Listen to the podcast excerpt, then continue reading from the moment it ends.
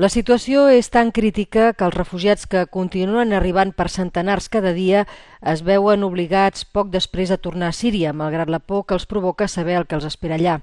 Els campaments ja no n'admeten més i és impossible trobar casa per estar-s'hi, com ens explicava l'Ibrahim, un venedor ambulant de la població fronterera de Reyhanli, els lloguers dels habitatges, suposant que n'hi hagi de lliures, s'han disparat. Costaven 150 o 250 lires i ara els mateixos pisos no baixen de 700 i més. Escolti, escolti, i això poden pagar-ho? Ni nosaltres podem.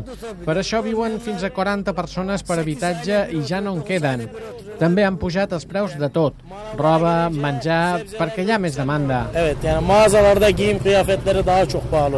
El salari diari d'un turc a Reyhanli és de 30 lliures. Si ets sirià, en cobres 10 i això suposant que també trobis feina. Reyhanli ha duplicat la seva població els darrers dos anys i el que passa en aquesta ciutat passa també a la resta de ciutats frontereres amb Síria. Fins ara el govern turc es nega a que s'instal·lin campaments de refugiats gestionats per organismes internacionals. Projecte Explica Europa a Europa amb el suport de la Comissió Europea.